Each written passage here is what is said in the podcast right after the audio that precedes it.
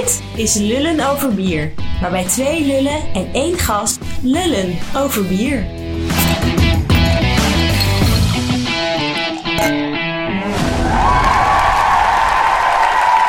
Wat een enthousiasme, Jasper. Applaus, applaus. Ja, we zitten hier in de huiskamer van eh, Jasper en Anna. En ik ben Ronald van der Streek, bierbrouwer. En eh, Jasper is eh, kroegbaas. Zeker. En wij gaan lullen over bier gezamenlijk. En lullen over bier, dat doen we vaker. En dat hebben wij voor de laatste keer gedaan met de kerst. Yep. En dat beviel ons zo dat we dachten, we gaan eens wat dingen uitdenken en eh, weer wat nieuwe afleveringen maken. Ja, brainstormavond gehad.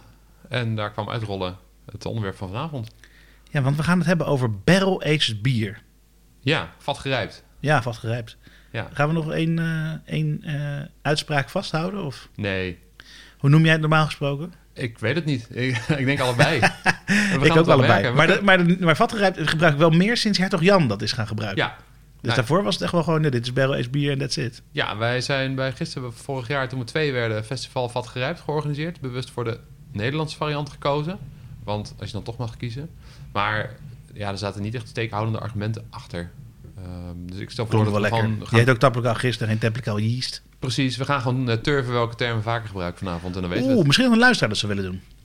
Ja, eh, Als een luisteraar naar turft hoe vaak wij barrel-aged zeggen en hoe vaak wij vatgerijpt zeggen, dan hebben wij eh, ja, daarna te pakken hoe, wat het echt is, denk ik. Of zoiets. ja, niet dat je er wat aan hebt. Hey, wij drinken natuurlijk ook barrel-aged bier daarbij. Uiteraard. Ehm, jij hebt je koelkast eh, opengetrokken. Je hebt toestemming Nou, gevraagd eh, wat je, Oh, wat je, wat je even. mocht. eh, De, de, de barrel-aged bieren staan donker, maar niet in de koelkast. Oh, bij jou? Nee, bij mij staan ze echt gewoon in Ja? de koelkast hoor. Ja. bij mij staan ze gewoon op de kamertemperatuur. Nee, maar kijk, ik, ik doe een uur over zo'n bier. Dus Ja, tegen ook. de tijd dat ik de laatste slokken neem, heb ik echt alle slaken, smaken weten te ervaren. Als ik koud start en warm eindig. Moet ik jouw bier even koud zetten dan? Ehm, nee, want ik heb zo het gevoel dat wij nu met proefglaasjes niet een uur gaan doen over één biertje. Nee, die kans zit erin. Biertje, zei ik daar. Oeh. Oeh, zeker met een barrel is bier kan dat niet echt, hè? Nou, misschien eh, die flesjes van jullie van het festival. Ja, dat waren wel biertjes, ja. Oeh, blij dat we dat niet meer hebben. Wat gaan we drinken, Jasper? Nou, eh, eh, ik dacht, we beginnen eens met een mooi bier. dat heet Roomba. Dat is van Brouwerij van de Streek. Die ken, je, Nee. die ken je wel. Die twee jongens in Overvecht. Ja, twee maar die hebben wij in jongens fles afgevuld. Je hebt een blik in je handen. Ja, nou, je had hem in de Fust afgevuld. Ja, ook in Fust, ja. ja. En toen hadden wij 100 Fusten en toen moesten we dicht. 100 Fusten Roomba op voorraad. Nou, Daar kan ik alleen maar van dromen. Twee, één of twee. Maar eh, die hebben we toen eh, uit de tappen ingeblikt, ja. Heel goed. Ja. Nou, laten we eens gaan proeven. Ja, Ehm, ik zal kort iets vertellen. Roomba is een, eh, een bijzonder bier. Het is een spiced red ale die op rumvaten heeft gelegen. Dus heel anders dan normaal. Proost. proost. Dank voor het inschenken. En ehm, ja, heel anders dan normaal eigenlijk. En dat zeg ik omdat toch... Voor mij is de standaard barrel-aged bier... is een Imperial Stout op whiskyvaten. Bourbonvaten.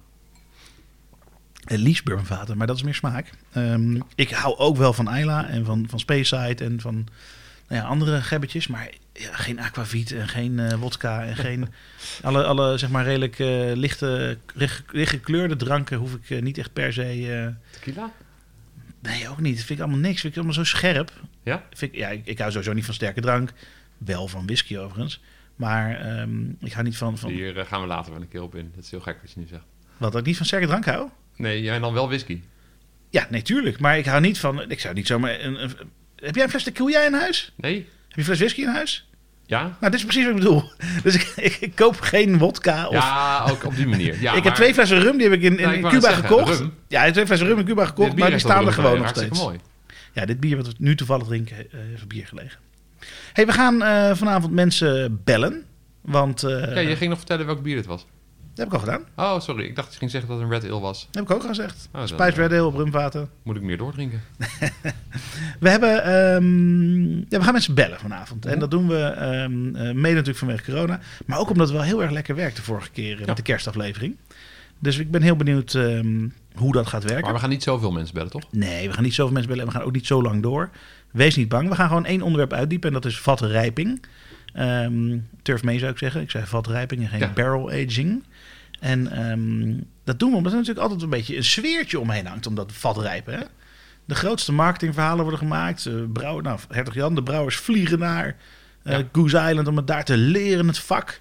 Ehm, nou ja, er zijn tal van theorieën. Hoe kom je aan je vaten? Ja, wat kost het? Wat kost een vat? Ja, nou ja, of waarom is het bier zo duur nadat het in een vat heeft gezeten? Ja, ook een goede vraag. Wat doe je met wat er nog in een vat zit? Ja. Hoe eh, kies je je vat? Kies je bier bij het vat? Kies je vat bij het bier? Ik denk dat alles mogelijk is. Ja, nou ja, ik Maar ben benieuwd hoe... eh, We gaan even wel zien eh, wie of wat we hierover te spreken gaan krijgen. Ja. En ehm, ja, ik stel voor dat we toch onze eerste gast dan maar gaan even inbellen. ik zou het doen. Ah, hij gaat over. Hoe fijn is dat? Wat een toeval. Wie zullen we bellen? Ja. Ik zei het net. Zei ik het al? Als hij opneemt. Je spreekt af dat je op een bepaald tijdstip belt. Goedenavond. Goedenavond. Wie, wie hebben wij aan de lijn? Je spreekt met Remy, ik Holland. Kijk, Remy den Doop. Goedenavond. Yes. Goedenavond, Ronald en volgens mij word ik nog iemand. Ja, Jasper. Hey Jasper. Hallo. Ja, lo- logisch hè. Ronald en Jasper maken lullen over bier. Uiteraard. Hey, we, hebben het, we hebben het over vatrijping. Eh, jij bent Yes. eh, Biergeek Holland, zoals je al zei. Dat is voornamelijk eh, je alter ego op YouTube. En Yep. ik dacht, volgens mij hou jij wel van vatgerijpt bier, of niet? Zeker weten. Ja, dat is toch wel een van eh, ja, mijn, eh, eh, mijn favoriete bierstijl. En, eh, ja, nou, of het een bierstijl is, ja, ja aan de ene kant wel. Ehm, maar in ieder geval, ik vind dat wel echt een van de, van de meest lekkere biersoorten die er, die er zijn. Dus, Je, je zegt ja, zelf al, als dat een bierstijl is. Wat zie jij dan als een vatgerijpt eh, bier? De, omschrijf je Eh, ideale vatgerijpte bier is?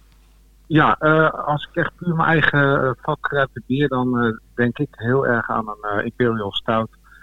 Ehm, en dan gelagerd voor mij dan op een, ehm, een, een, eh, een, een Schots whiskyvat. Eh, ik, persoonlijk vind ik de, de Islay whisky vind ik echt super lekker. en eh, ik kan me heugen dat jullie, dus van de heren van de streek, hadden volgens mij de Whisky Business ook een keer op een Islay vat. Ehm, ja, die vond ik ook super lekker. En ehm, ja, dat is voor mij toch wel een van de meest favoriete stijl. Ehm, en wat, wat ik ook bedoelde met stijl, ja goed, je hebt natuurlijk een barley wine, je hebt een stout. Ehm, en ik, ja, ik kan ook enorm genieten van een barley wine ehm, die gerijpt is op, nou ja, noem het een, een vat. Joh, ik, ik vind alles eigenlijk wel lekker. Eh, Dus, dus als ik het zo eh, hoor, dan is jouw favoriete vat een Islay vat. En stiekem wil je het liefst een stout hebben. Zeker, ja. Maar ik ben ook wel heel gek op een barley wine. Dus het ligt een beetje aan, de, eh, aan het moment. Ehm, maar als ik echt mijn voorkeur mag geven, ja, dan is het toch wel de, de Imperial Stout eh, gelaagd op een vat. En als je zegt eh, bedoel je eigenlijk te zeggen dat hij zo rokerig mogelijk moet zijn? Juist, ja, Ja. lekker peaty, lekker eh, een beetje leerachtig. Eh, ja, dat vind ik, eh, vind ik wel echt super lekker. Je houdt ervan of je houdt er niet van. Er zijn inderdaad mensen die, die vinden het vreselijk. Ja, ik, ehm, ik had er laatst eentje op van Kees. De Barrel Project, volgens mij was dat de 2003, dacht ik, of 4. Mhm. En die was ook gerijpt op, op ja, volgens mij een Island vat. Ik weet even niet meer welke. Je hebt er ook weer verschillende vaten in. Eh, maar die vond ik ook echt super lekker. Maar goed, dat moet je maar net eh, eh, ja, lekker vinden. Ja, het is niet voor een- iedereen weggelegd. Ik, ik doe met je mee Nee. hoor, maar eh, eh, Kijk, Wat- top. Goed horen. Nee, maar wat vind je van eh, wat vind je nou een normale prijs om neer te leggen voor een eh, blik of fles vatgerijpt bier? Ja, dat is wel een hele goeie. Ehm, persoonlijk zelf, ehm, ja, ik, ik, ik moet zeggen dat bijvoorbeeld als ik toch een, een, een Nederlandse brouwer eh, uit, eh, uit zou kiezen, bijvoorbeeld een Kees, die heeft zijn meestal rond de 5 à 6 euro. Eh, dat vind ik persoonlijk wel een mooie prijs, maar je ziet toch ook wel in deze tijd, ehm, ja, dat, dat gaat eigenlijk wel sky high. Hè? Je, hebt, eh, je hebt ook bepaalde bieren die zijn er wel 20, 30 euro. Eh, dan moet ik eerlijk bekennen dat Voor één ja, flesje? dat- dat- ja, voor één fles. En als je gaat kijken naar de vooral Amerikaanse ehm eh, vatgerijpte bieren, ja, daar betaal je toch wel een hoop geld voor. Maar het moet ook geïmporteerd worden. Dat ja, en er wel. zit natuurlijk een, een verschil tussen de grootte van de flessen en de blikken in. Want Ja, ehm, eens. die die van Kees is Ja. gewoon 33 centiliter. Ik heb hier toevallig, die gaan we nog drinken. Spoiler alert.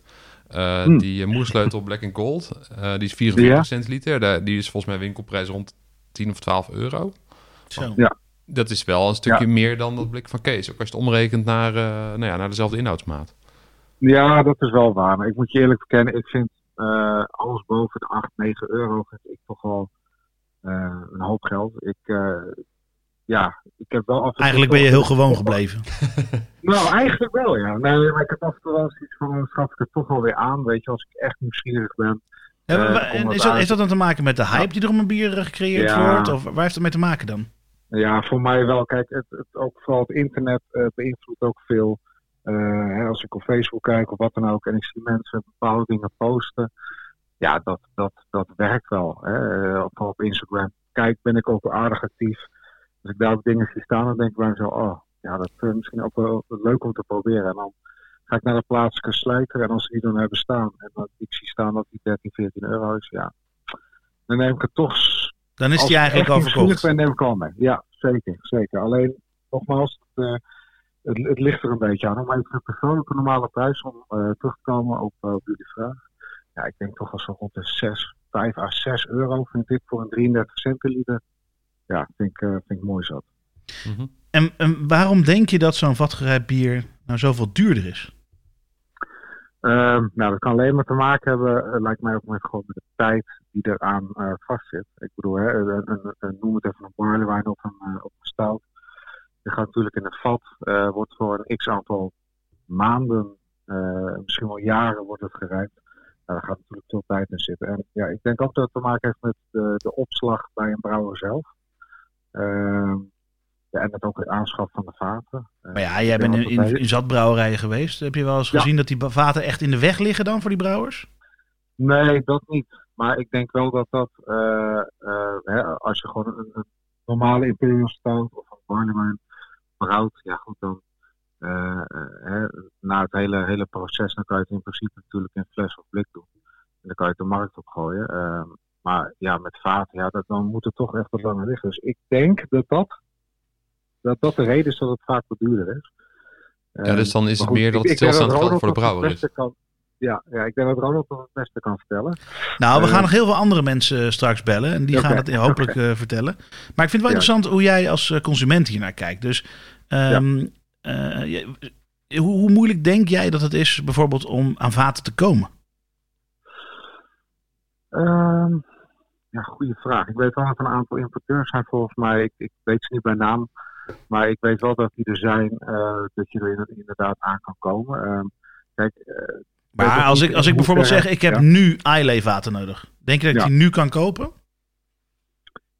Nou, dat durf ik echt niet te zeggen. Ik, eh daar zal vast wel een, een, een, een, importeur voor zijn, maar nee, dat durf ik niet te zeggen. Nee.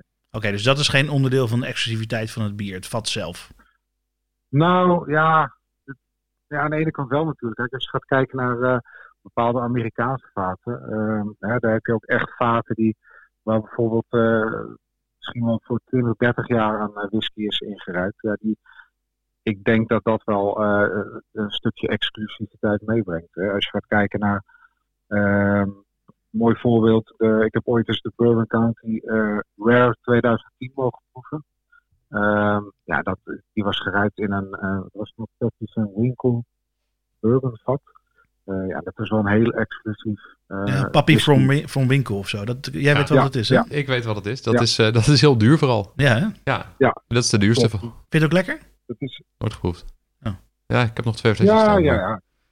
Ik, ik, ik heb het volgens mij ja, hetzelfde whisky nog nooit gedronken hoor, maar wel eh, dat bier zelf. Ja, dat maakt het exclusiever, maar of het nou echt. ehm, het, het is meer de beleving eromheen, eh, denk ik. Maar goed, dat, dat, ik ben ook niet echt een whisky kenner wat dat betreft.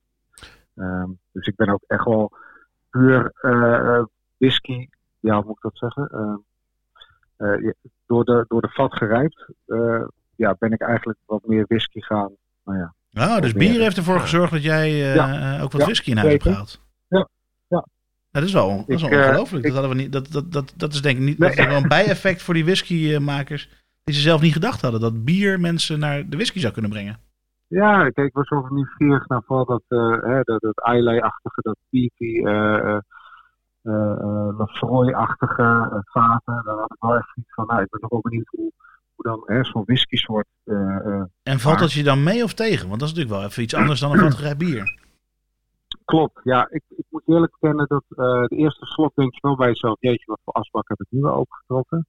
Eh, maar op een gegeven moment merk je wel inderdaad eh, dat je het meer gaat waarderen. En ja, je moet het natuurlijk ook een hele, eh, op een hele andere manier drinken. Veel rustiger aan. Nog betreft natuurlijk rustiger. veel meer alcohol. Nou ja, ja. Eh, dus ik, ik ben het ook wel een beetje gaan leren, denk ik. Ik moet zeggen dat ik het nu al waardeer. Hoe lang doe je over een Eh, vatgerij biertje? Eh, nou zeg je weer biertje, hè? ja, Het is ook een biertje. Oké. Ja, ja, biertje vind ik ook trouwens eh, niet echt een mooi woord, maar goed, dat terzijde. Eh ja, hoe lang doe ik over een bier? Ja, goed, dat is afhankelijk van alcoholpercentage, maar ik denk... Nou, typisch kan zo vatgerij wel, bier. ja, nou, Zo'n zijn. een brouwerij Kees. Nou, een uurtje of zo. Ja, dat is Nou, netjes. uurtje, netjes. kan ik wel, eh, kan ik wel eh, een lekker serietje aan. Eh, gewoon lekker eh, af en toe een slokje nemen. Ja, het ligt ook aan, eh, als ik op een of ander festival eh, ben of wat dan ook, ja, dan gaat het weer wat harder. Maar als ik thuis lekker zit en ben een lekker serietje aan het kijken, dan probeer ik ook echt wel met mate eh van barrel aged bier te drinken. Ja, precies. Nou, logisch. Hey, als wij straks nog wat brouwers gaan bellen, heb jij dan nog eh, vanuit de, ja, van jou als consument, heb jij nog specifieke vragen over vatrijping en vatgerijpte bieren aan brouwers? Ehm, even denken. Ehm, ja, dat is een hele goede vraag. Ehm, nou ja, ook eh, wat, ik op zich wel eh, interessant vind om te weten is ja, hoe lang je eigenlijk maximaal een bier in een vat kan laten rijpen. Want eh, ik, ik lees wel eens twee jaar, ik lees wel eens dat sommige eh, som- wel vier, vijf jaar, hè, sommigen doen het wel zes maanden. Ehm, dus ik ben wel benieuwd wat nou een beetje eh, een beetje de grens is. Vind je dat je Eh. voor een bier wat eh, drie jaar gelegen heeft, meer geld zou moeten neertellen dan een bier wat zes maanden gelegen heeft, als het dezelfde smaakintensiteit heeft? Mm, nee, nee, nee, persoonlijk niet. Nee, kijk, het is natuurlijk prachtig. Dus dan speelt die tijd eh, toch minder een factor dan je in het begin misschien zei. Ja, in, in dat geval wel. Kijk, als de smaak eh gegarandeerd kan zijn, hè, als, als, als het. ehm, laat ik zeggen dat hij met zes maanden ongeveer hetzelfde smaakt als hij eh, drie maanden is gerijpt, ja, dan ja, verkies ik toch wel die van, van zes maanden. Dan is het meer een, een in mijn beleving een. ehm, ja, een, een, een, een- ja, hoe moet ik dat zeggen? Weet ik niet. Eh, dan, dan speelt die drie jaar geen rol. Nee, dan, dat, als de smaak er is eh, en de smaakbeleving is met zes maanden hetzelfde als met drie jaar, dan eh, nee, dat vind ik ook niet dat het duurder moet zijn. Oké, nou, helder verhaal.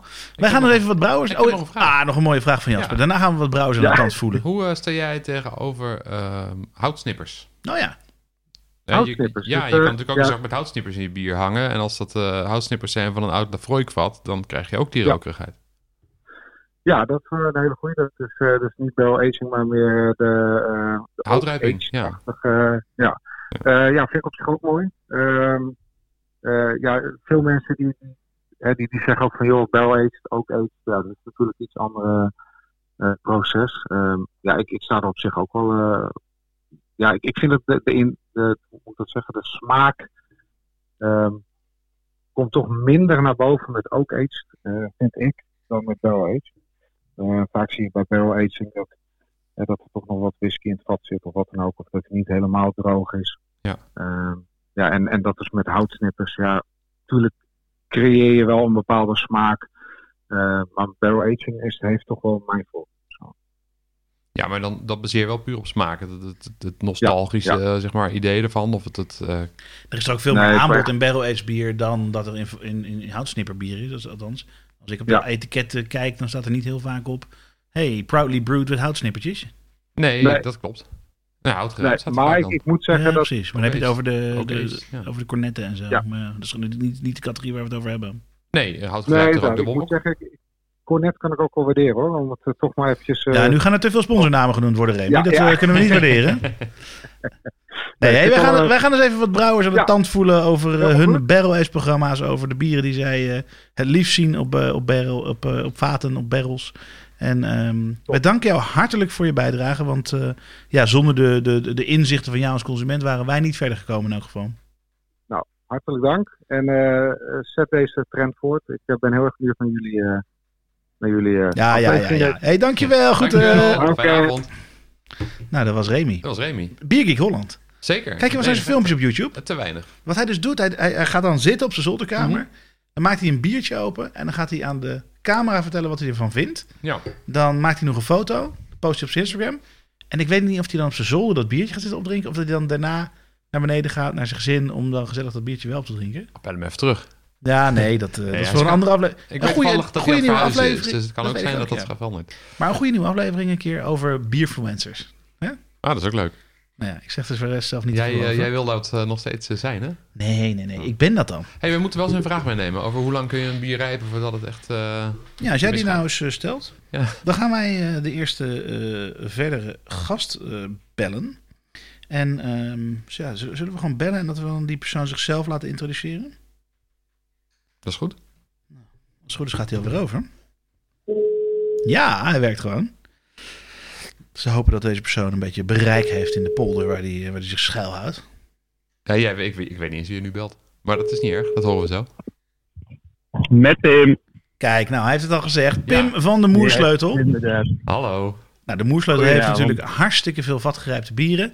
En ehm, we hebben er zelfs eentje hier op tafel staan. Jasper vertelde net al. De Black and Gold Edition. Ja, En, ehm, Lekker ja, yellow. Black and Ja. Yellow. Ja, ik vond het ook niet echt Ja, gold ja, eruit zien. ja, ja. Maar eh, wij, eh, wij zijn bezig met een aflevering over vatgerijpte bieren. Jij zit nog op de fiets, begrijp ik, Pim, of niet? Nee, ik loop nog buiten. Ah, oké. Nou, dan zetten we je even iets zachter, want eh, anders eh, hoort iedereen eh, de wind waaien door de bomen. Ja, het moet over 16 minuten binnen zijn. Over een kwartier moet hij binnen zijn, dus wat dat betreft moet het goed komen. Niet te hard, want dan horen wij die wind de hele tijd in de telefoon. Ja, is goed. Dan lopen we rustig aan. hey, luister eens even. Eh, vatgerijpte bieren. We hebben net al iemand gesproken die, eh, die er enorm van houdt. Ehm, in hoeverre, of hoe is de liefde voor vatgerijpt bier bij jou ontstaan? Oeh, dat is, eh, ik denk dat het wel een beetje het, het magische gebeuren om het brouwen heen is, zeg maar. Dus je hebt natuurlijk best wel controle op je eindproduct, zeg maar. En dan stop je het in zo'n vat. En dan is het vooral de eerste keer dat je dat doet, is het echt een beetje, je laat het los. En dan eh, hoop je maar dat het de goede kant op gaat. Ja, ma En- echt magisch, ja? Nou ja, het is, nou ja je, je hebt er niet echt per se controle meer over. Dus je, het, het, het vat doet zeg maar, met het bier. Het is niet meer dat je het echt bij kan sturen. En wat ik denk altijd wel het mooie er altijd aan vind, als je, nou ja, als je vijf dezelfde vaten hebt, dan is het vijf, heb je vijf, eigenlijk vijf verschillende bieren. Dat is met Schotse vaten nog wel meer als dat met de bourbonvaten bijvoorbeeld. Maar daarin, eh, ja, je hebt altijd wel variatie. Dus dat is wat wel wat ik, wat ik heel mooi vind. Zeg maar. Het is heel moeilijk om een bier echt 100% eh opnieuw te maken, zeg maar. Maar hoe ver kom je wel? Als je je best doet? Ja, dat, dat is heel erg afhankelijk. Ik denk dat je best ver kan komen, maar dan moet je dus een klimaatgestuurde eh, ruimte hebben. Moet je je vochtigheid, je luchtvochtigheidsgraad beheersen. En al die, al die factoren die hebben best veel invloed op, eh, op het eindproduct, zeg maar. Zo. Want wat, wat, wat, is jouw, ehm, wat zou nou jouw ideale vatgerijpte bier zijn? Je kan natuurlijk van alles op een vat leggen, van eh, blondjes tot eh, stouts. Nou, Mhm. Beschrijf eens, wat voor vat, wat voor bier, hoeveel alcohol, welke kleur? Ehm, dat is een goeie. Ik denk dat het toch wel. Ik ben heel veel van de, van de zure bieren. Maar als ik dan even naar Moersleutel kijk, dan is het toch heel veel stout zat te doen. Ehm, ik denk wel dat het iets meer exotisch vat. Dus een beetje rum. Een beetje die kant op. Ja, vaak wel een beetje rond de ja, 12, 13 procent. Het basisbier ongeveer tussen de 10 en de 11 procent alcohol. En zo'n vat geeft dan vaak 1 of 2, 3 procent soms mee, zeg maar. Omdat de drank die erin zit, eh boost ook nog, zeg maar. En dan wel minimaal een jaar, jaar op vat, denk ik ongeveer. Maar je kiest er wel voor om dat, eh, wat er al in zat nog eh, in te laten zitten. Dus het is niet dat je hem helemaal leeg giet en dan puur voor de, de houtwerking Nee, nee, nee, ja, ze, ze- ja, nee, ze zijn helemaal droog. Maar ongeveer in het hout, in Ja, het hout zo. zit een litertje of zeven, denk ik ongeveer. Dus zit een, ja, in het hout zelf, dat, ja, dat, bier trekt in het hout, dus het komt weer terug. En daardoor eh, trek je vaak nog wel 2% omhoog. Maar mocht jij nou eh, eh, wat drank nog vinden in het vat, haal je dat dan eruit? Of laat je het lekker erin zitten? Zo. Ja, halen we de meestal, halen we meestal wel. dat halen we de meestal wel uit. Maar dat is meer gewoon omdat we dan achteraf dat, dat nog eens kunnen proeven. dat je zelf nog een borreltje hebt af en toe inderdaad. Juist, inderdaad. Maar meestal, de meeste, ja, de, maar de meeste vaten die we binnen zijn, krijgen zijn wel droog. Hoor. Of er zit een, eh, een half, eh, half shotglas in, zeg maar. maar ja, dat is precies. ook niet de moeite. Hey, eh, een, van onze vragen is, hoe lang ligt een bier eh, normaal gesproken bij de moersleutel op vat? Jij riep net al, eh idealiter voor jou een jaar. Ja, we gaan in principe tegenwoordig proeven pas na zeven maanden. En ik denk gemiddeld zal het tegen de 13, 13 tot 16 maanden zijn ongeveer. Oké. Ja. Zoiets. Dus En- dat is wel een, redelijke tijd. En heb je dan eh, nog bepaalde vaten waarbij je eh, over het algemeen hebt dat het sneller gaat dan andere vaten? Of momenten in het jaar Ja. bijvoorbeeld? Of? Ja, nou, sowieso na de zomer is dat het eh, erg goed opletten. We hebben wel eens gehad, het in december, of dat zat, dat rond nou, februari was het meest nog redelijk stabiel. En dat je een warme zomer en dan was het echt in eh, eigenlijk augustus had je echt gewoon eh, de drie kwart dat eigenlijk leeg moest. Hm. Omdat het gewoon eigenlijk over de top heen ging. Maar als toen een keer zo'n hele hete zomer gehad, ja, dan merk je dan, dan gaan die vaten gewoon heel erg werken. Dan gaat het uitzetten. Ja, er komt gewoon best wel veel oxidatie daar in het bier. En gewoon de drank die dan er best wel snel intrekt. Dus ja, dan zit je vaak op zo'n punt dat je denkt, oké, nu moet je echt wel eh, aan het werk en, eh, en vaten gaan legen, zeg maar. Ja, die ervaring heb ik ook wel. Dat eh, zeg maar de seizoenswisselingen van enorme Ja. invloed zijn op in hoeverre de dranksmaak in het bier trekt. Dus soms heb je iets, Ja, ja. laten we zeggen, aan het eind van de zomer erin gelegd. Proef je de hele winter door en dan zit er eigenlijk nog weinig eh, serieuze vatrijping op. En dan opeens, als het in maart de zon doorkomt, nou, dan, lijkt hij, dan lijkt hij wel door te slaan. Dus dat is wel iets wat Ja. ik eh, heel erg herken. Ja, en we hebben dan ook rumvaten nu. Dat hebben we niet zo heel vaak gebruikt. Maar dan merk je ook, daar zit, die zijn best wel lang stabiel. Of gewoon, je merkt dat die wat evolueert. En dan zit er echt een, ja, een periode van misschien een maand, anderhalve maand. Waarin je misschien al, al negen maanden op pad hebt liggen. Dat die slaat die gewoon in één keer door. Dat het gewoon echt te veel rum wordt. Dat er ook wel vaten dat best wel eh, ja, opletten is. Of terugblenden met een wat, wat jonge bier. Zodat je een beetje balans weer terugkrijgt. En niet, niet alleen maar dranksmaak, zeg maar. Ja, precies. En, en doe je dat dan met een jonger vatgerijpt bier of met een jonger bier wat niet vatgerijpt is? Nee, in principe altijd met een jonge vatgerijpt bier. Het zou natuurlijk Ja. ook gewoon kunnen met een jonger bier wat niet vatgerijpt is. Ja, ja zou, zou kunnen. Ja, dat doen we eigenlijk, doen we eigenlijk niet. Maar dat, in principe kan, kan het ook makkelijk inderdaad. Ja, dan kan je gewoon een, een basis pakken van, van iets wat je op de tank hebt staan. En dan eh ja, blend je het als het ware daarmee een beetje terug. Ja, precies. Hoe ehm, besluiten jullie iets op vat te leggen? Eh, koop je eerst een vat en denk je, hey, dit is een leuk bier voor daarbij? Of zeg je van, oh, dit bier dit moet echt een keer op een, eh, nou ja, wat ik nu voor me heb dan, ik ga hem zo ook inschenken, Ronald, Eh cognacvat? Hoe Ja. gaat dat bij jullie? Nou, tegen, voorheen deden we vaak gewoon, oh, dan hadden we een bier op de tank staan. En dachten we, oh, laten we er ook wel een deel van op vat gooien. En tegenwoordig brouwen we bier echt specifiek voor wat, wat, wat in vaten gaat, zeg maar. Want je merkt gewoon, ehm nou ja, motorolie houdt best wel stand. Maar we hebben ook best wel bieren. Ja, dat is, dan is het gewoon, wordt het gewoon, het, is het basisbier net even te zwak om op vat te gaan, zeg maar. Je moet vaak wel even wat meer bitterheid wil je in een bier hebben. Omdat dat allemaal eruit rijpt, zeg maar. Soms wil je hem ietsje zoeter hebben voordat hij het vat ingaat die misschien zo uit de tank is, denk je van nou, is even net even te zoet. Maar met de drank smaakt dat het een beetje wat meer in balans komt. Dus dat Zullen wij die, eh, die black en, eh, en yellow gewoon even Ja, opentrekken dat hier? lijkt me een heel verstandig besluit. Want ons eh, Goeie. glas is leeg. Je hebt het over rumvaten. We hebben net een bier op wat op rumvaten gerijpt was. En ja. Ja. ja, dat was maar een klein blikje. En dit is een groot blik natuurlijk, want eh, ja, de moersleutel. Ja. Is, vind je dat niet bezwaarlijk? Zo'n groot blik als je een vatgerijpt bier hebt. ja, nee, eigenlijk niet. Ideaal om te delen, maar jij drinkt het ook in je eentje? Of, eh? Ja hoor, maar niet zo vaak. Niet in ieder geval niet door de week meestal. Maar eh, ja, het weekend wel eens, ja. En eh, hoe lang gun je jezelf dan de tijd om eh, door zo'n bier heen te gaan? Dat is wel, hangt wel heel erg van, van mijn moed af. Ik, ik heb soms ook wel dat ik zo'n bier, zo'n bier een uurtje op heb, zeg maar. En soms dan dus ja, 2,5, 3 uur. Zo, Ja, nee, drie uur is overdreven. Twee, twee uurtjes zet ik er dan wel mee. en maar, nooit, maar, Ja. nooit, maar nooit in een half uurtje. Ja, misschien als je dorst hebt, dan eh, gaat hij er wel doorheen. Ja, is het, is het een bier om naartoe te grijpen als je dorst hebt? Nee, maar ja, soms heb je wel eens, dan zit je in die kast te kijken en denk je van ja, daar heb ik naar trek in. En dan denk je, nou, ik heb toch eigenlijk wel trek in een stout. Maar eh, ja, soms gaan ze er iets sneller, eh, is het glas iets sneller leeg dan eh, ja, dat je had gewild, zeg maar. Ja, of de kast, ja. Dat de kast leeg is. nou, de, de, Ja, Ja, de ook dat, stoutkast. Dat is lekker snel... eh, hey, en, de, en de Black, ja, de. Black and Yellow, dat is dus een, eh, het zijn bourbonvaten geweest. En daarna zijn ze eh, ge- gevuld met eh, cognac. Dus Ja. dat is de, het verhaal achter deze. eh, Zit er heel subtiel in. Heel zoet, eh, zoet bier met op de achtergrond Ja. eh, subtiel de, de, de barrel aging. Ehm, Ja. Bij barrel aged bier en vatrijping is er natuurlijk altijd zo een mooie zweem van marketing. Een, een sfeertje wat eromheen hangt. mhm. Dat is natuurlijk ook wel fijn als brouwer. Als je, dat, je, dat we daarop mee mogen varen.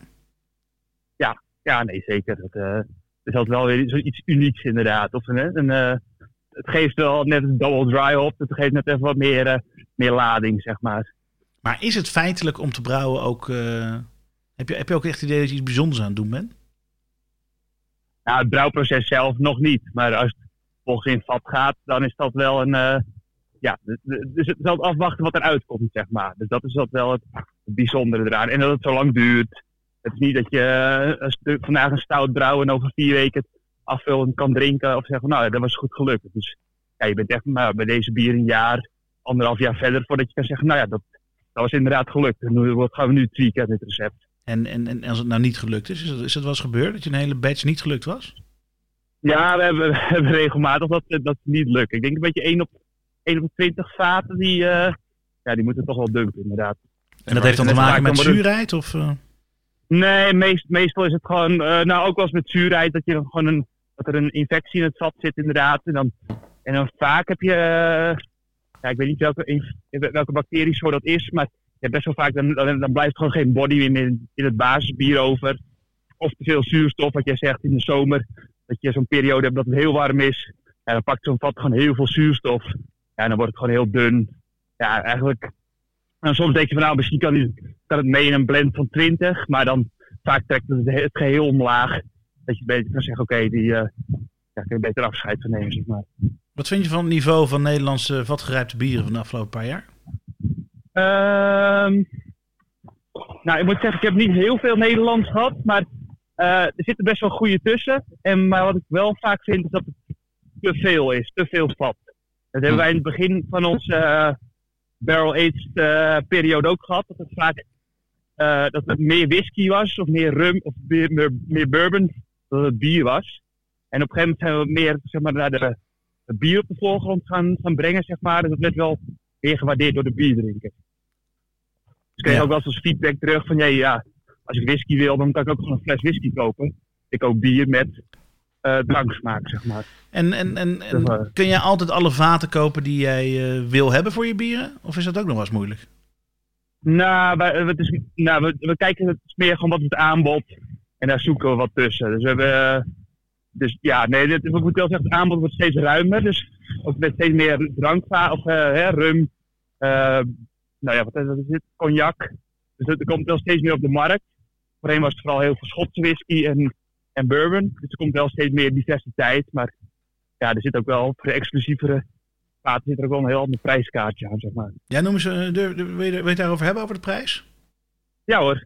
Wat kost zo'n vat? Eh, eh, nou, weet je, whiskyvaten beginnen ergens vanaf 150 tot, eh, zeg maar, whisky, dat is het meest goedkoopste zijn dat. Whisky tot een beetje 150. Bourbon tussen de, afhankelijk van het volume dat je koopt, vanaf de 150 tot 200. En als je nou rum, rumvaten worden af en toe ook wel eens goedkoper aangeboden, maar rum, cognac, zulke dingen gaan vaak wel ja, naar 300, 400, 400 En- euro soms. Hoeveel gaat er dan in? Eh 250, 250, 100, 125. Ja, een bourbon vaatje is 190 eh, liter ongeveer. En eh, Ja. de, de, Ja. de, de, de, de voormalig sherry vaten, et cetera, dat is allemaal 225, 250. Ja, ja, klopt. Ja, dus in is dat tussen de euro en 1,50 euro per, eh, per blik erop. Eh, ja, per, per liter. Ja, per Hm. liter erop ongeveer. Per Ja. liter, ja. Precies. ja, maar je moet wel rekening houden. Je, je stopt bij in zo'n bourbon stop je 190 in, maar effectief haal je er 170 uit. Ja. Nou, Dus een deel dat ze dampt, een deel dat in het hout trekt. En je krijgt het vat nooit helemaal leeg. Als je moet zuurstof in je bier wil, dan eh, Stel je, als, jij op je, als jij op je brouwdag, eh, nou noem even wat, eh, eh, 50 hecto of 100 hectoliter brouwt. Je doet alles in vaten. Hoeveel hectoliter heb je dan uiteindelijk in eh, blik gestopt? Eh, eh, dus zeg maar op een gewone brouwdag, dus we doen nou, in twee dagen brouwen we 50 hecto en dan vullen we 40 hecto af. Ja, dus, dus, dus, dus je verliest in dit geval 20% als je aan vatrijping doet. Nee, nee, dat is puur het gewone brouwproces. Ja? En als het daarna op vat gaat en terug, dat weet ik niet. Want we hebben sinds, sinds, nu, sinds drie maanden een flowmeter. Dus er zijn wel dingen die we nu aan het, eh, aan het bijhouden zijn. Maar ik heb nog niet echt hele actuele cijfers van hoe het, nou- hoeveel het nou precies is. Ik moet ook zeggen, hebben we nooit echt heel erg bijgehouden. Maar ja, als je een- zo'n bunk, zo'n eh, zo'n dop openslaat, dan zie je vaak wel dat het echt wel een laag eh, verdampt is of eruit is, zeg maar. Ja, precies. En dan nog los van dat eh 1, 1 op de 20 vaten eigenlijk weggegooid kunnen worden. Ja, ja, ja, ja los daarvan, ja. Ja. Ja, ik hoor het al. Ja, Jasper ja, is nou- bezig met een Excelletje om te kijken wat precies het verlies is. zodat we uiteindelijk kunnen berekenen Inderdaad. of de, de prijs die je vraagt ervoor eh, wel gerechtvaardigd is. dat- Ja, dat is een goeie. Eh, ja, dat is goed, Ronald. hey, Hey, eh, Pim, ehm, wat is nou een vattype wat je eigenlijk heel graag nog een keer zou willen gaan gebruiken, wat jullie nog nooit gedaan hebben? Of zit er iets in de pijplijn dat er iets leuks aankomt? Eh, ja, we hebben nu Apple Brandy vaten liggen. Daar ben ik wel heel benieuwd naar. Eh, Franse whisky. Die roken heel goed toen we ze binnenkregen. Dus daar ben ik ook wel heel benieuwd naar. En verder heb ik niet per se vaten. dat Ik denk van, oh, dat zou ik nog... Nou ja, ik heb Kilgeman. Dat is die, eh, zo'n Schotse distiller die vrij jong is. Ja. Daar, daar ben ik nog wel eens iets benieuwd naar, naar zulke soort vaten. We doen tegenwoordig eigenlijk niet zo heel veel meer met Schotse vaten. Omdat de kwaliteit gewoon eh, van het vat vaak heel slecht is. Het zijn gewoon, ja... Schotten zijn, zijn wel bekend omdat ze heel zuinig zijn. Dus vaak de vaten die we hier binnenkrijgen, die zijn echt zeg maar een end of life, noemen ze die zeg maar. Ja. Ja, dan is gelukkig gaat hij nog één keer mee. En daarna flikkert hij eh van ellende uit elkaar. Of je hebt eh, altijd, altijd lekkende vaten waar je hele opslag eh vol met vliegen zit in de zomer. Ja, dat, daar ligt natuurlijk aan ten grondslag dat Amerikaanse bourbon-producenten alleen nieuwe vaten mogen gebruiken. Terwijl Schotten Ja. juist altijd gebruikte vaten moeten gebruiken. Moet niet, Dus ja, maar ja. willen. Nee, mag niet. De- ja, Mag dat niet? Oh, dat wist mag. niet. Oké. Ja, Nou ja. maar ja, Schot en Schotten gebruiken echt nou ja, wel eens vaten binnen. Gewoon dat je denkt van nou, die zijn... eh, Die vaten zijn niet alleen Schots, maar die zijn ook scheef. ja, ook vooral dat, ja. Nee, ik heb geen lachbal meer erop zitten, Jasper. Ik zie je gelijk al grijpen naar het... eh, Ja, maar... Heel goed. Hey Pim, mega bedankt voor, eh, voor je input op deze aflevering. En eh, wij gaan eh, bellen met nog één brouwer. En daarna spreken we een vatenhandelaar, Jasper. Kijk, Dat is ook heel gaaf. Leuk. dankjewel Hey, Pim. Pim, dankjewel. Goed. Eh, nog. Hoi hoi, dank je. Ja, een vatenhandelaar gaan we spreken. Dat is Ja. wel leuk om mensen een beetje te teasen in deze aflevering. Hey, de volgende eh, brou- brouwer die we gaan, gaan, gaan, gaan bellen is ook iemand die veel met vatrijping doet. Sterker nog, heeft een enorme crowdfunding opgericht. Speciaal om extra vaten te kunnen kopen op een gegeven moment. Hè? Zeker. Nou ja, dat is natuurlijk wel een aspect. Eh, de inkoop voor de brouwer is wel een, een, een hap uit de portemonnee. Eh, ja, als je dat zo hoort, hè, wat zei hij? Tussen de 200 en de 300 euro voor een vat. Of, eh, of 150 en de 300, laten we ze 200 zeggen. Als jij 100 vaten hebt liggen, dan heb je dus eh, voor eh, een snelle 20.000 euro aan hout liggen. Ja. Ja, dat is wel geld, hè? Klopt. Ehm, maar ja, voor zo'n brouwerij als de Moersleutel is, is, dat, is dat te overzien. Nou ja, als je die investering eenmaal hebt gedaan, dan kun je het blijven doen. Nee, want je krijgt niet het geld terug als je ze weer verkoopt. Dus je hebt dan wel het bier natuurlijk eh, Nee, maar die afgevuld. prijs verdisconteer je in, in, in bier. Ja, maar de bier verkoopt zichzelf niet in één dag eh, als het eruit komt. Nee, maar ook niet in anderhalf jaar pas. Eh, soms wel. Ja? soms wel. Dat ligt er maar net aan. Ik moet zeggen, vroeger was de markt voor eh barrel aged bier een stuk makkelijker dan nu. Sinds, ehm, eh, nou ja, sinds iedereen en zijn moeder tegenwoordig bier in, zijn vat, in een vat legt. dat is leuk dat je over mijn moeder begint. Ja, die heeft ook bier in een vat gelegd, of niet? Nee, nooit. Hey, we bellen met ehm, eh, de enige echte, one and only, Roel Bukkens inderdaad. Daar is, dat, is, met- dat is met wie we bellen. Roel Bukkens, de tweede keer ooit dat hij in Lullen over bier zit. Goedenavond. Dag Roel. Hey man, hey, hoe is het? Ja, hartstikke goed. Wij zitten eh, aan een eh, black en yellow van de Moersleutel. We hebben net Oh. ook eh, Pim gesproken. Ehm, Lekker. wij hebben ook al Remy den Doop gesproken. De Biergeek Holland, die natuurlijk enorm van barrel aged bier houdt. Ja. En ehm, wij dachten, we bellen toch nog één brouwer erbij om eens te vragen wat, eh, wat zijn allereerste barrel aged bier was wat hij ooit dronk. Oh man. Ehm, oh, daar moet ik even over nadenken hoor. Ja, dat moest ik ook. Ja. Maar ja. Neem je tijd. Oh nee, ik weet het al. Oh. Het was de. ehm, technisch gezien is dat de Liefmans schouderband. Ja, oké. ja, ja. Ja, ja, En aan de zure kant. En aan de echte barrel aged kant waar de dranksmaak de overheersing heeft. Ehm, ik weet het niet meer, dat is zo lang geleden. Ik gok dat het of een Emilis is geweest of een De Molen. Nou ja, Ja, je zit ja, in je- wij zitten in hetzelfde team hier wat dat betreft. Ja, dat moet, ja, maar ja, weet je, dat, dat, we hebben het over 2012, 2011. Dat was niet heel veel anders in Nederland te vinden. Nee, Dus ik, ik, ik, ik denk om eerlijk te zijn dat het misschien de helft Emilis is geweest. Hm. Gok ik. iets in die richting. Hey, als je, Ja. ja, ja, je, hebt, je hebt veel. Hoeveel vaten heb jij liggen in de brouwerij? Ja, momenteel hebben we er 210 liggen. 210 heb je er liggen. Eh, je hebt zelfs een speciale crowdfunding gedaan volgens mij. Met als doel Ja. geld te hebben voor, om water te kopen. Ja, klopt. Ehm, dat betekent dat het best wel impact heeft op, eh, op je brouwerij, denk ik zo. Ja. ja, daar hebben we best wel een programma voor, eh voor draaien inderdaad. Wij hebben daar ehm, Eh, het idee is bij ons is de barrel aging dat alle vaten minstens een jaar liggen. Ehm, daarom zijn we ook echt heel erg stevig naartoe aan het werken dat we dus 240 vaten in ons park hebben liggen. Zodat we eigenlijk elke maand 20 vaten kunnen legen en dan weer 20 vaten kunnen vullen.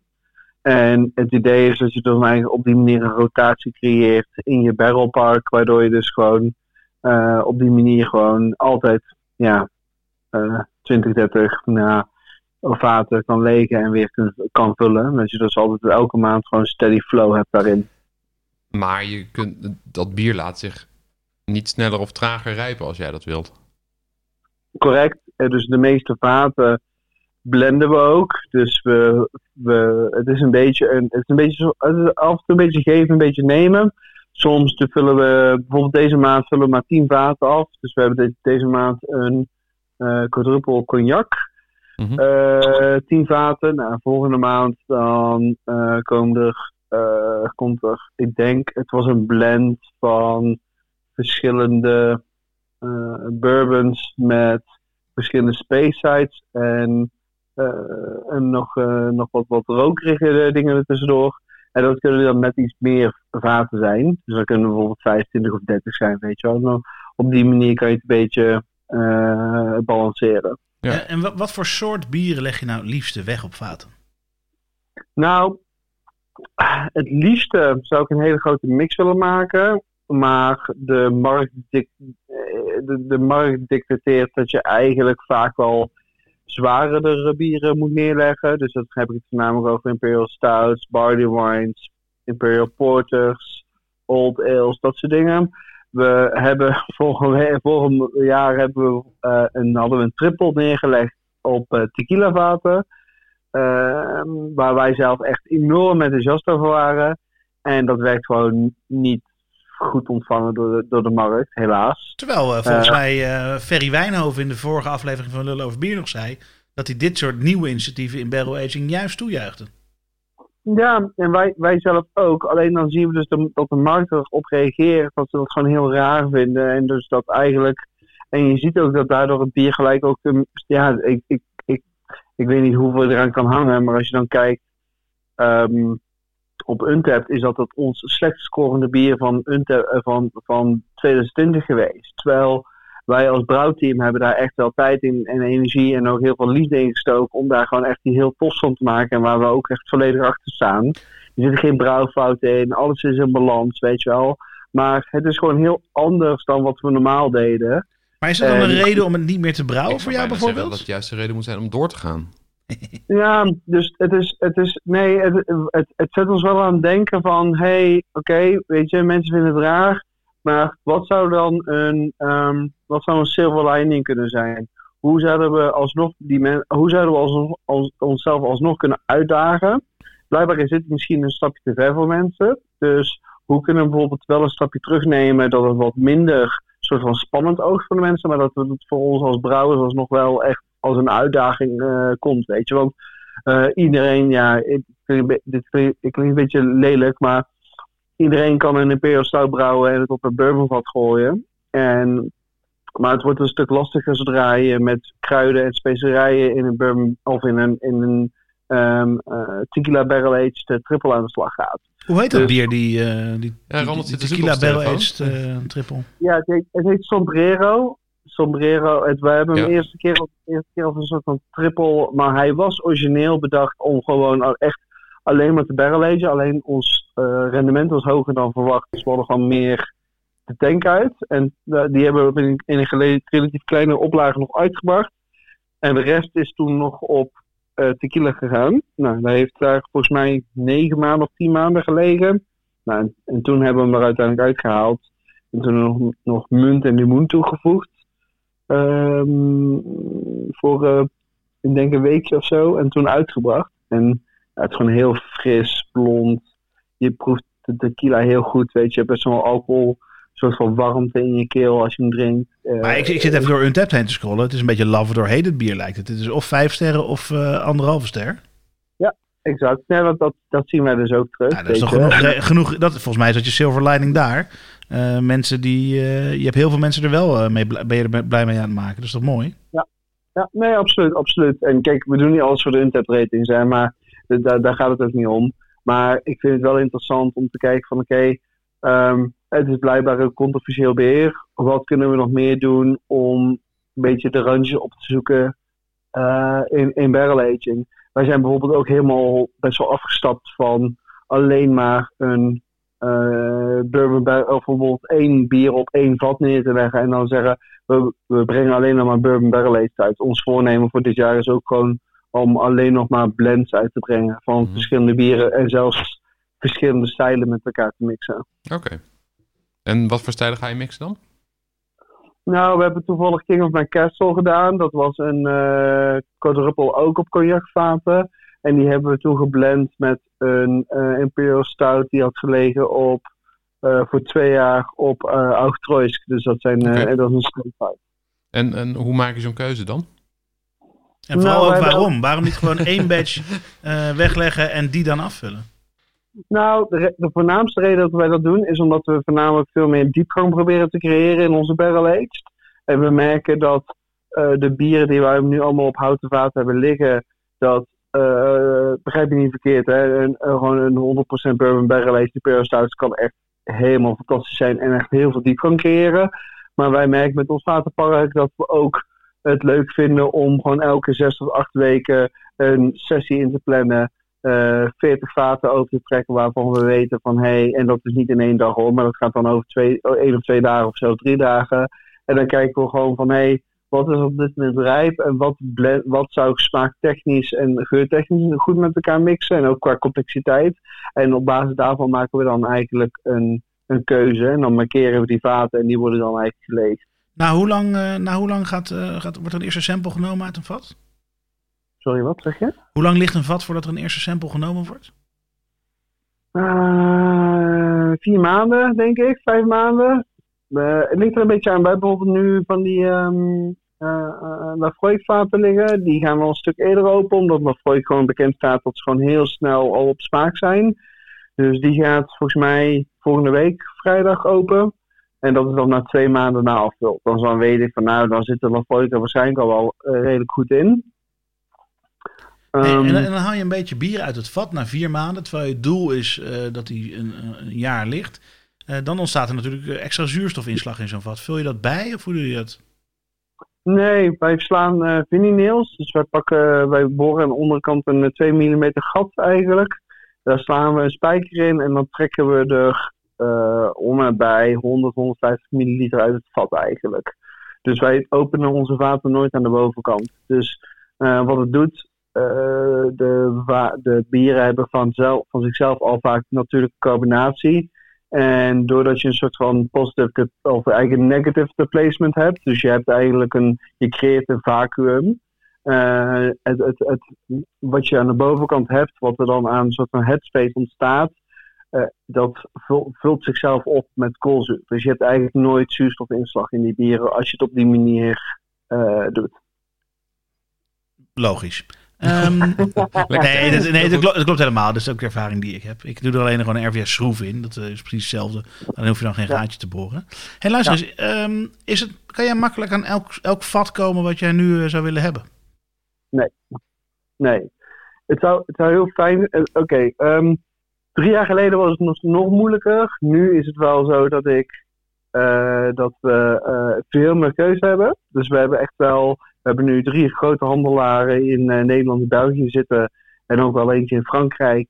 eh, waar we veel meer aan kunnen. Maar het is heel erg seizoensgebonden wat we kunnen krijgen. Bijvoorbeeld, we hadden een tijdje geleden kwamen we, kregen we Apple Brandies binnen. Wat, die wa- echt waren helemaal fantastisch. Maar als ik dan nu aan die handelaar vraag van joh, kan je weer Apple Brandies kopen? Dan is het gelijk weer een moeilijk verhaal. En dan kan het zelfs gewoon echt maanden zijn voordat ze weer een keer een, eh, ja, die op de kop tikken. Bourbons zijn er in overvloed.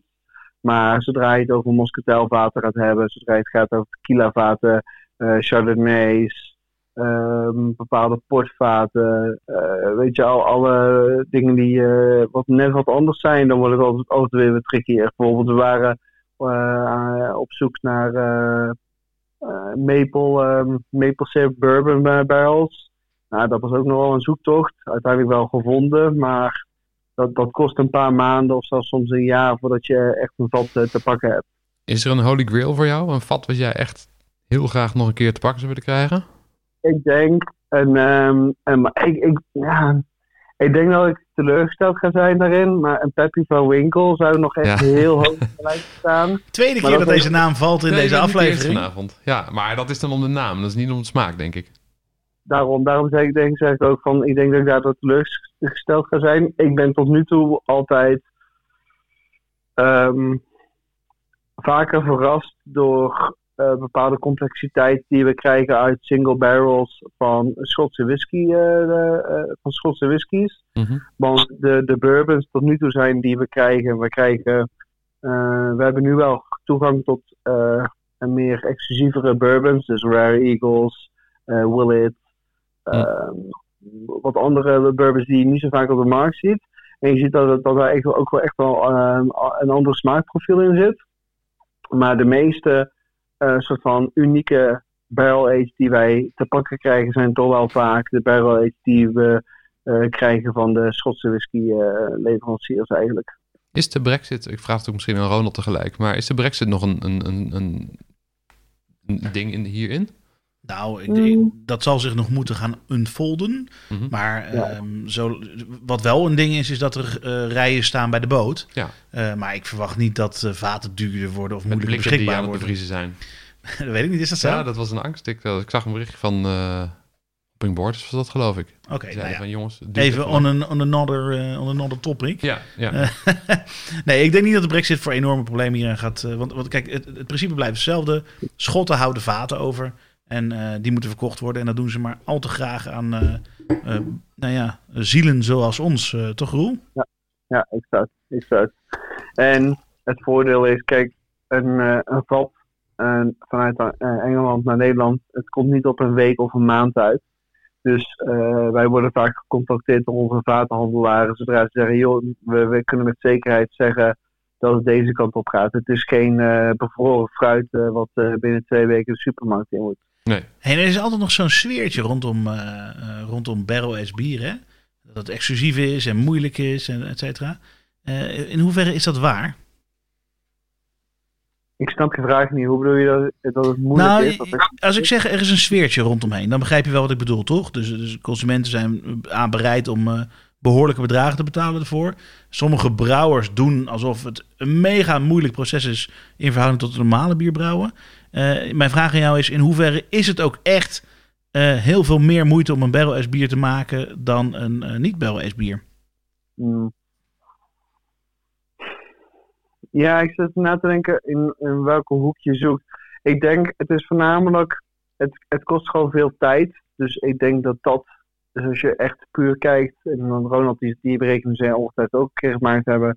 Het is cashflow technisch nooit zo heel interessant om barrel te doen. Dus daarvoor, als je geld wil verdienen, dan moet je niet echt de barrel aged ingaan. Dus daar, daarvoor hoef je het niet echt, eh, eh, daarvoor hoef je niet, ook, al denk je van, joh, de brouwers verdienen goud geld aan een barrel. Ja, maar ja, weet je, ik bedoel, ik nou, eh, even, een voorbeeld, want ik had deze discussie toevallig met een van mijn collega's op werk. Stel, hè, ik eh, investeer 1000 euro en ik moet die 1000 euro voor een jaar lang in mijn eh barrel room neerleggen. En ik eh, verkoop dat voor dubbel de prijs, want dat is omdat er uh, barrel aged op staat. Diezelfde 1000 euro zou ik in een batch bier kunnen stoppen. Een, New England IPA of een Double IPA, maakt niet uit. En ik ehm, haal, ik verkoop dat met een ik wel 20% marge of 10% marge, maakt niet zoveel uit. Dus ik verdien daar ehm, eh, 100 euro op. Maar ik kan dat 13 keer doen op een, op een jaar. Dus, ehm, want ik kan natuurlijk elke drie weken die 1100 euro terugverdienen. eh, en dan opnieuw eh, dat, dat bier brouwen. Ja, maar dat Dus is ook- wel echt meer werk dan vaten wegleggen. Zeg maar, dan is vaten wegleggen juist heel goedkoop om te doen, omdat je dan met minder werk eh, eh, meer marge kan maken in die gedachte. Ja, dat klopt. Maar ik denk, ik, ik- dit, dit- gaat een lange discussie worden als we hierover gaan. Nee, dat is ook helemaal niet, dat is helemaal niet het doel inderdaad. Maar wa- wa- waar het voornamelijk om gaat is dus, ehm, en dat denk ik dat je dat heel scherp eh, zegt, is eh vatrijping, tuurlijk, dat wordt duurder verkocht. Maar er zitten nogal wat risico's en wat, wat uitdagingen aan. Cashflow is een van de risico's. Maar natuurlijk ook gewoon het, het bierverlies wat je hebt over nou ja, het, het- wegleggen van een bier voor een jaar. exact. En ook de, de onzekerheid dat je niet weet hoe lang, wanneer het klaar is. En dat, een, eh, dat consumenten, terwijl ze snappen dat, bier, dat een, een barrel-aged bier duurder is, is het voor hun heel moeilijk af en toe te behappen dat een dat ik bijvoorbeeld, ik, ik ga geen namen noemen, ik zie collega's eh, bieren na drie, vier maanden van hun vaten afhalen en voor dezelfde prijs verkopen eh, voor wanneer dat wij bijvoorbeeld een jaar, terwijl wij een jaar lang eh, hetzelfde bier voor dezelfde Ja, prijs als de smaakintensiteit goed is, is dat toch prima? nou, en dat, dat is het dus ook. Eh, maar, om, maar vanuit ons aspect, wij maken ons bier dus duurder, omdat het natuurlijk, ik reken door vanuit een jaar. Ja, En- precies. Dus, en dan, maar, die, die, die, die, maar dan aan de consument kunnen uit, moeten uitleggen van, ja, maar ons bier rijpt drie keer zo lang, dus daardoor is het duurder. Dat is voor sommige consumenten moeilijk te begrijpen. Ellen van, dus- ehm eh, eh, van of the Dog zei mij ooit, eh, ik was daar en had heel veel vaten liggen. Die zei, eh, dit is mijn erfenis. Eh, als je bier in vaten hebt leggen, dat is hetzelfde als money in the bank. Het bier ligt daar wel, maar het is gegarandeerd geld wat terugkomt. Ja, daar ben ik mee eens. Maar bijvoorbeeld, ik weet wat, wat een vat bij ons oplevert. Dus stel, er is altijd, weet je, je kan altijd zeggen, ik trek 50 vaten leeg en daar trek ik een x aantal eh eh, duizend euro uit. eh, mocht het nodig zijn binnen een maand. Dus dat is wel, het is wel inderdaad een, inderdaad een guarantee dat je het verkocht krijgt. Dat, dat is niet zo'n dat is niet zo'n probleem inderdaad.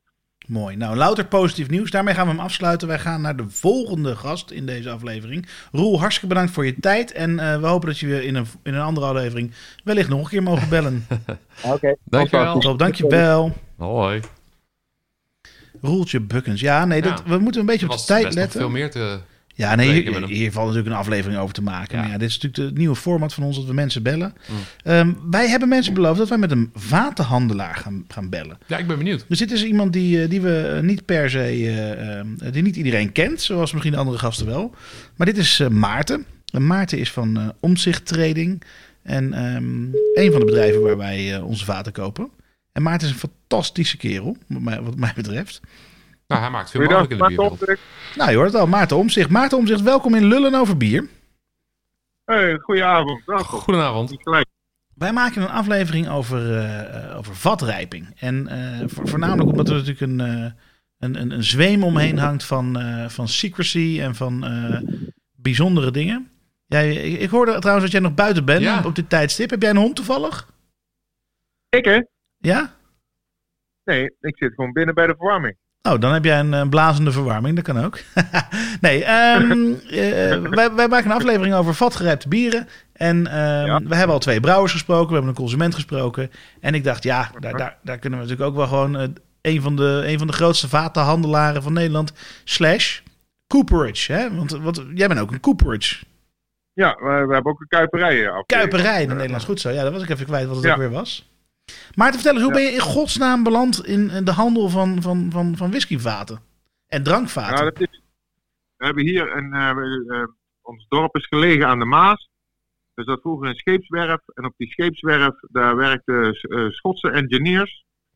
En ja, daar kwam je s'avonds in de kroeg mee, mee aan de babbel. En dan was het van, god, eh, wat is interessant om eens te gaan handelen. En kwam een van de jongens met het idee om eens een vracht whiskyvaten naar Nederland te halen.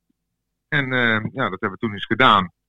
En van het een kwam het ander. Dat is ongeveer 25 jaar geleden. En ongeveer, ja, zeg maar 18 jaar geleden zijn de eerste vaten weer voor hergebruik voor, voor, de, voor branderijen en brouwerijen gebruikt. Hier in Nederland. Ja, En- het is in een tijd dat helemaal niemand eh, überhaupt bier brouwde, behalve de grote jongens. En al laat staan op vaten leggen. Nee, dat was eh, 25 jaar geleden hier nog geen sprake van. Nee, precies. Nee, dus wat gebeurde er met die vaten dan toen jij dat eh, Ja. naar Nederland haalde?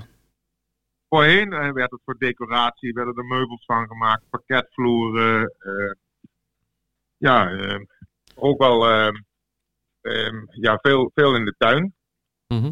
Dat blo- bloembakken, regentonnen. Dat klinkt minder lucratief dan eh, wat er nu mee gebeurt. Eh, nou ja, als je er maar genoeg verkoopt, hè. Nee, maar eh, we hebben eh, eerder vanavond wat prijzen gehoord van een brouwer die wat hij moet neerleggen voor een, eh, voor een vat. Ehm, ik kan me voorstellen dat mensen dat niet voor een regenton over hebben, laat ik het zo stellen. Nee, nee, nee, nee, dat niet. Maar daar zit ook wel wat verschil in. Ehm, tegenwoordig zijn we gespecialiseerd om het vat zo dicht mogelijk, bij, zo snel mogelijk nadat ze hem hebben afgevuld, gevuld, hebben gebotteld, om hem zo snel mogelijk bij, de volgende, bij het volgende station te krijgen om hem weer te hervullen. Hm. En toen dat tijd was het van, ja, dan kon zo'n vat wel eh, een jaar leeg staan en dan, dan maakte dat niet zoveel uit. Maar tegenwoordig schakelen we heel kort tussen afvullen en opnieuw vullen. En Hoe kort is dat dan? Nou, kijk, zomers eh, moeten we toch wel eh, aan, aan zes weken denken. En 's winters ehm, eh, kunnen we, moeten we, hebben we een max van zes maanden. Het heeft een beetje te maken met zomers, met invloeden van temperaturen. En daar heb je in, in een vochtige in, in, in, in winterperiode minder last van. Dat vaten indrogen of, of eh, En dat is niet een Ehm. kwestie van eh, pappen en nat houden. Gewoon in de zomer eh, die vaten een beetje nat houden en dan komt het wel goed. nee, nee, nee, nee, nee, absoluut niet. Want waar, waar, koop, eh, waar koop jij nou je vaten? Jij koopt dus vaten in Schotland, maar koop je dat dan bij een destilleerder zelf? Of eh, vertel eens. Eh, vaak bij een, een whisky, een, eh, de eigenaar van de whisky. Dus de, de whisky-eigenaar, die koopt vaten bij een distiller. En die legt die weg. En die gaat die proeven. Op het moment dat hij zegt, nou dat vat, dat vat, dat vat en dat vat, gaan we afvullen. Nou, dan worden er een, een reeks vaten afgevuld. Nou, die zet hij in de, apart. En dat doet hij een stuk of vier, vijf keer. En dan neemt hij contact met mij op en dan zegt hij, Maarten, ik heb een stuk of 50, 60 vaten staan. Die heeft in de afgelopen maand geleegd, in de afgelopen eh, vier tot zes weken. En dan stuur ik een, eh, een vrachtwagen langs en die haalt ze op. Maar dus niet direct bij de destilleerderijen zelf. Hebben we het dan over Diageo of gaat het eh, over kleinere jongens? Want ik neem aan dat Nou, het over de dat- tussenhandelaar gaat. Wij, wij kopen wij, ook bij Pernod Ricard of Diageo. Of, eh, en- maar de, de, de mooie exclusieve vaten die koop je toch wel bij de, bij de whiskyhandelaren. Ja. De, niet- de hele grote batches die zijn lang niet zo interessant als de, de, de, de kleinere batches waar, waar veel meer aandacht aan de whisky is besteed. Dus dan is hij vaak nog eens een keer eh, gefinished op een sherryvat of gefinished op een, eh, op een portvat. Als je dat vat te pakken krijgt, heb je een veel exclusiever vat als een, als een bourbonvat waar zeg maar 12 jaar een, een whisky in hebt lopen rammen. Ja, dus dan gaat het echt om eh, de, Van Wees en de Gordon McPhil's of zo. Of, eh, ga ik nu te specifiek? Sorry, de Van Wees? Ja, niet dus. Nee, ik de even Van. Wees, eh, die, daar, daar leveren we vaat aan. Ja, precies. Nee, ehm, Maar Gordon McPhil's, Ja. daar koop je ze van, begrijp ik. Dat soort partijen. Mac- Dus, de, dus de, de, de afvullers. Signatory Vintage en dat soort, dat soort lui. Nou, de afvuller heeft eigenlijk ook niks te zeggen over de vat. Het is de, degene die die whisky heeft ingekocht, zeg maar 12 jaar geleden bij Macallan. Die heeft dat vat gekocht en die legt hem in zijn eigen duty-free room, in zijn eigen duty-free hall. Daar wordt die whisky dus na 12 jaar of, of, of na 18 jaar gaan ze die eens proeven. En zeggen ze, nou, nou vinden we het tijd om hem nog eens een keer een jaar op een sherryvat te leggen, om hem te finishen. Nou, dan gaan we dat oude bourbon ex whiskyvat ook kopen.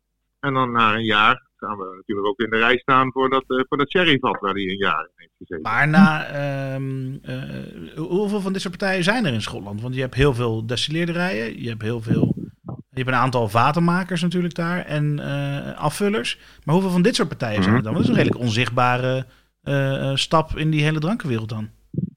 Ja, het zijn allemaal een soort van weesjes. Maar dan in, in, in Schotland. Ja, Van Wees die doet ook veel rum. En, en, en, eh, maar Ja. dat, dat zijn eh, de Glasgow Whisky Company. Die doet bijvoorbeeld ook eh, rum. En die doen ook eh, ehm, andere, andere destillaten. Die zitten niet alleen op whisky. Hey, en als jij daarheen gaat, of als, als jij vaat aange- aange- eh, geboden krijgt, neem je dan een gok? Of weet jij van tevoren wat, wat jouw klanten, de brouwers van Nederland en misschien wel Europa, wat die willen? Meestal neem ik, eh, eh, koop ik voor de, voor de voet weg als het ware. Mhm. En eh, mijn klanten kunnen ook aangeven van god, ik wil nou eens een keer wat anders. Ik wil op, uh, Ximenez of op, op, op, op een Porsche. Ehm, ja, dan... Ik wil graag een de- papi van Winkel. Wat? Papi van Winkel. Papi van Winkel? Ken je die niet? Nee, die ken ik niet. Ik spreek toch niet verkeerd uit? eh? Nee, nee. Dat Ja, is een van de meest exclusieve eh, Schotse eh, Nee, nee, het is Amerikaanse, Amerikaanse het is bourbon. bourbons. eh, Het is, het is een van de duurste bourbons die je krijgt. Stom van mij. Jij, eh, jij zit dus blijkbaar meer in Schotland dan Amerika. Jij, jij kan wel vaten kopen in Amerika, of niet? Of doe je dat niet? Jazeker, jazeker. Waar, koop, waar, koop, waar koop je allemaal vaten? Schotland, Amerika? Spanje, Frankrijk, Portugal, ehm, Hongarije, ehm, Zijn dat dan wijnvaten? Ser- Servië. Wat voor Eh, vaten haal ja, je uit Hongarije en Servië? eh, Hongaarse wijnvaten. Ah ja, nou, en in Servië, komen heel veel nieuwe vaten vandaan. Oké. Ja, dat is... Dus, Aan wat voor vaten kan jij nou niet komen? en wat voor vaten ik niet kan komen. Hm. Ja, dus misschien dat vat waar je het net over had. Ja, die Amerika een hele specifieke Amerikaanse bourbon. Ja, kijk, daar, op de deur komen we er ook al aan. Als je maar lang genoeg eh, blijft zeuren bij die, bij die leverancier, dan gaat hij op een gegeven moment dat voor jou aan de kant zetten. En als je betaalt, neem ik aan. En je moet betalen, ja. En zorgen dat je niet te veel betaalt. Het moet voor een brouwer ook nog, eh, nog betaalbaar blijven. Ja, en, en, en, had natuurlijk vroeger Schotse, Schotse kerels in de kroeg. Maar hoe kom je aan, eh, Ja. aan al die andere contacten van die Fransozen en die Amerikanen? Ja, in 25 jaar dan bouw je toch een, netwerk op van, van scouts. En scouts die dus eh, ja, een kennis van een kennis, die woont in Amerika. Nou, god, eh, eh, ben jij voor mij eens in je auto stappen en eens even je neus in een paar vaten gaan stoppen en mij een, eh, Reis naar Tennessee en kijk eens of het daar leuk is. Ja, en breng mij eens een verslag uit van, van wat je ruikt en wat je, wat, je, wat je ziet. En hoe vers ze zijn en hoe hard ze zijn en hoe, hoe, oud zijn de vaten ongeveer. Dan kun je een eerste, bij een eerste aankoop kun je dat niet van de leverancier af laten hangen. Dan moet je een vertrouwenspersoon hebben daar te plaatsen. Ja, precies. En voordat, de, voordat deze pandemie er was, eh ja, schoonde ik niet om even het vliegtuig in te stappen en eh, mijn neus ergens naartoe te laten vliegen. Ja, en- en daar, daar zijn wij natuurlijk dankbaar voor als, eh, als brouwers. Want ehm, wat, wat, wat beide brouwers eigenlijk vanavond zeiden, is dat ze nu tegenwoordig eigenlijk eh, veel beter en, en, en, eh, ja, een ruimer eh, aanbod aan, aan vaten ervaren dan een jaar of eh, drie, vier geleden. Is dat ook jouw ervaring? Ehm, ja, brouwers worden verwend. Dus ze gaan. eh, vroeger stond er bij mij aan, onder mijn voorraadlijst. Heb je nog, stond er niet, werd er niet gevraagd of dat je nog wensen of suggesties had. En tegenwoordig staat er onderaan. Om de, om de klant meer service te bieden, heb je nog eh, wensen of suggesties. En dan vraagt. Daar komt wel eens uit voort. Van god, heb je calvados of heb je een, een, speciale sherry? Of, eh, nou, nou goed, dan gaan we daar naar op zoek. En dan. eh, En die vind ja, je dan- ook dan? nou, niet altijd. Ja, vaak vind je ze wel, maar dan is de, zijn de prijzen dusdanig hoog van ja, het moet nog wel betaalbaar blijven voor een brouwer, net wat ik net al zei. En ook voor de consument uiteindelijk. Kijk, als, als een barrel aged bier eh, over de 15 euro moet gaan kosten, omdat een, omdat een vat tegen de 1000 euro aangaat, ja, dan, dan, dan, dan ga je wel heel exclusief werken. Maar Va- ik merk wel dat het, dat het ervoor betaald wordt tegenwoordig. Hoor. Ja, want va- vaten lijkt me ook typisch iets wat, waar je juist heel veel marge op kan, eh, kan krijgen. Omdat het natuurlijk een afvalproduct is in Schotland. Eh, terwijl eh, die brouwers hier, die, zit- die zitten erom verlegen. En die hebben geen idee wie ze moeten bellen ervoor. Ja, je hebt het over een afvalproduct. Een afvalproduct, dat is een regenton. Maar iets om nog te hervullen, dan, dan, dan moet je toch nog wel een kwalitatief goed vat hebben. Dan, je niet een, een- dan zit je niet eh, echt bij een afval. eh. nee, dat niet. Daar hebben we ook wel een, een, een eh, bedrijfstak in, onze rookhoutlijn natuurlijk. Eh, Maar dan moet het ook nog vers zijn. Het moet allemaal nog verzadigd zijn met whisky. En niet met, eh, met bedorven water of eh, een bladerdek wat er al een paar jaar op ligt en wat een, eh, Ja, Een precies. rottende- Dus, een rottende uitwerking heeft. dus je handelt in drankvaten, die bedoeld zijn om weer wat in te doen. Je handelt in eh, eh, regentonnen en in rookhout. Zijn er nog meer toepassingen Ja. van, eh, van, van, van vaten? Regentonnen over het algemeen niet meer. Dat is, eh, vroeger was het 95% ging naar de, naar, de, naar de tuinindustrie. Tegenwoordig is dat 5%. Is het omgedraaid. Zijn er nog andere toepassingen? Waar de vaten naartoe gaan. Ja? In het verleden werden er ehm, ja, allemaal decoratiestukken in, de, in, de, in cafés en in eh, eh, de stoeltjes, de whiskybars, dat je de deurtjes Oh, in dat zie je wel bij Ierse pubs ook. Zo'n eh, zo'n zo'n zo'n Ja, Jameson vat dat ervoor staat wat helemaal beschilderd is. Ja. Ja, met van die mooie LED-verlichting erin. Ah, maar dat maakt je allemaal niet gelukkig. Nee, nee, nee, nee. Ik heb wel klanten die dat maken. Maar dan hebben wij daar weer een hal voor waar we het in laten drogen. Dus dat het eigenlijk al op een, eh, op een zo dusdanig is ingedroogd dat het een, eh, een woonkamer, eh, Object. dat het in een woonkamer ook nog goed, eh, goed blijft. Ja, precies. Dus het whiskyflesje. tegenovergestelde als wat wij aan brouwers doen. De brouwers moeten dus zo vers mogelijk zijn. Dat is echt de specialiteit waar we ons de laatste jaren ehm, behoorlijk mee bezighouden om zo snel mogelijk te schakelen tussen wanneer het vat wordt geleegd en wanneer die wordt gevuld. En hoeveel vaten heb jij ongeveer staan? Over het door, in, eh, ja, 1500 staan er altijd al. Oké, dus, we- dus de consument hoeft zich niet bang te maken dat er eh, ooit te weinig barrel-aged bier zal zijn in Nederland. Nee, nee. nee. Nou ja, kijk, als, als, als, als de, de wensen exclusiever worden, ja, dan kan het natuurlijk wel eens zijn dat, ehm, dat kijk, als ze allemaal Pedro Ximenez eh, eh, vaten willen, dan kan het wel eens zijn dat we een keer een half jaar moeten wachten, omdat er er daar niet genoeg lege vaten van zijn. Ja, dus er wordt, te maar wei- wat te er wordt- noemen. precies, er wordt te weinig van die drank dan gedronken om aan de vraag Ja. van de brouwers te voldoen. Ik zag ook Ja. al, eh, James en, en nog wat anderen hebben inmiddels eh, een whisky die op stoutvaten heeft gelegen. Ja. En op IPA-vaten. Dat gaat ook weer de andere kant op eh, inmiddels. Hey, er- ervaar je ook eh, problemen door de groei van de craftbeer-industrie? Dat er te veel brouwerijen in Europa bijvoorbeeld zijn, waardoor jij minder makkelijk die vaten kan kopen? Dat er meer Maartens ontstaan in, eh, laten we zeggen, Frankrijk, Duitsland, Zwitserland, waardoor je meer concurrentie in de, in de, in de, in de, in de, ja, in de aankoop Bij mijn ervaart? inkoop?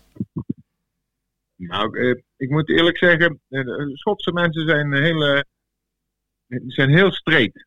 En als je daar 24 jaar geleden een afspraak mee hebt gemaakt, dan houden ze zich daar. Hm. En dan kunnen ze de mensen nog meer geld bieden, dat doen ze niet. Ze zijn blij met mij en dan zullen ze daarbij blijven. Nou, ik vind dat een hele geruststellende gedachte om eh, deze aflevering eh, langzaamaan eh, mee af te sluiten, Jasper, of niet? Ja, mee eens? Maarten, wij bedanken jou hartstikke voor, eh, voor je tijd. Ja, jullie hartstikke leuk dat jullie aan mij dachten.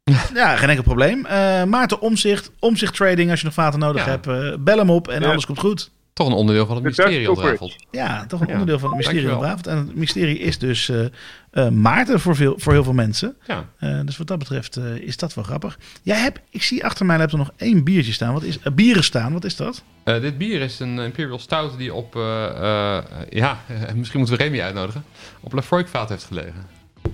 Nou, Van, van Bronkhorster, de, Nou. de nummer 11 uit hun... eh, Er is meerdere keren Nou, voorbij gekomen. Remy vond het mooi. Ehm, eh, volgens mij zei Roel ook iets over Lafroik. Over dat het zo snel rijpt. Staat hier iets over hoe lang het gerijpt is op deze fles? Of eh, is dat... eh, ehm, zijn nee, hij is uit 2018, maar dat zegt niet zoveel. Overigens staat er barrel aged en geen vat gerijpt. Kijk, maar Ja. er is, is natuurlijk ook een Engelse oorsprong bij de Bronkhorster. Ja, that's true. Ehm, Gamage, Family Gamage. Nee, ik zie zo man. 1, 2, 3 niet hoe lang het heeft gelegen. Nou, zullen we hem gewoon openmaken? Ja. Want dan, ehm, eh, ja, dan maken we nog wat mee vanavond misschien. Ehm, ik moet toch al na de avondklok straks naar huis. Ik heb natuurlijk uiteraard een werkgeversverklaring van Van de Streek Bier hiervoor. Je mag mij ook bellen hè, als de politieman zegt eh second opinion of zo. Ja, precies. Ik ben heel benieuwd of er een second opinion gaat komen. Wij gaan eh, ja, proosten, denk ik. Misschien moeten we nog even een eh, smaaknotitie eh, meegeven. Heerlijk. Oh, die asbak. Ja, maar pas op het eind. Hij is wel subtiel. Ja, Ja, mooi. Op naar de volgende. Bedankt voor het luisteren naar Lullen over bier. Volg ons op Instagram en Facebook. Lullen over bier.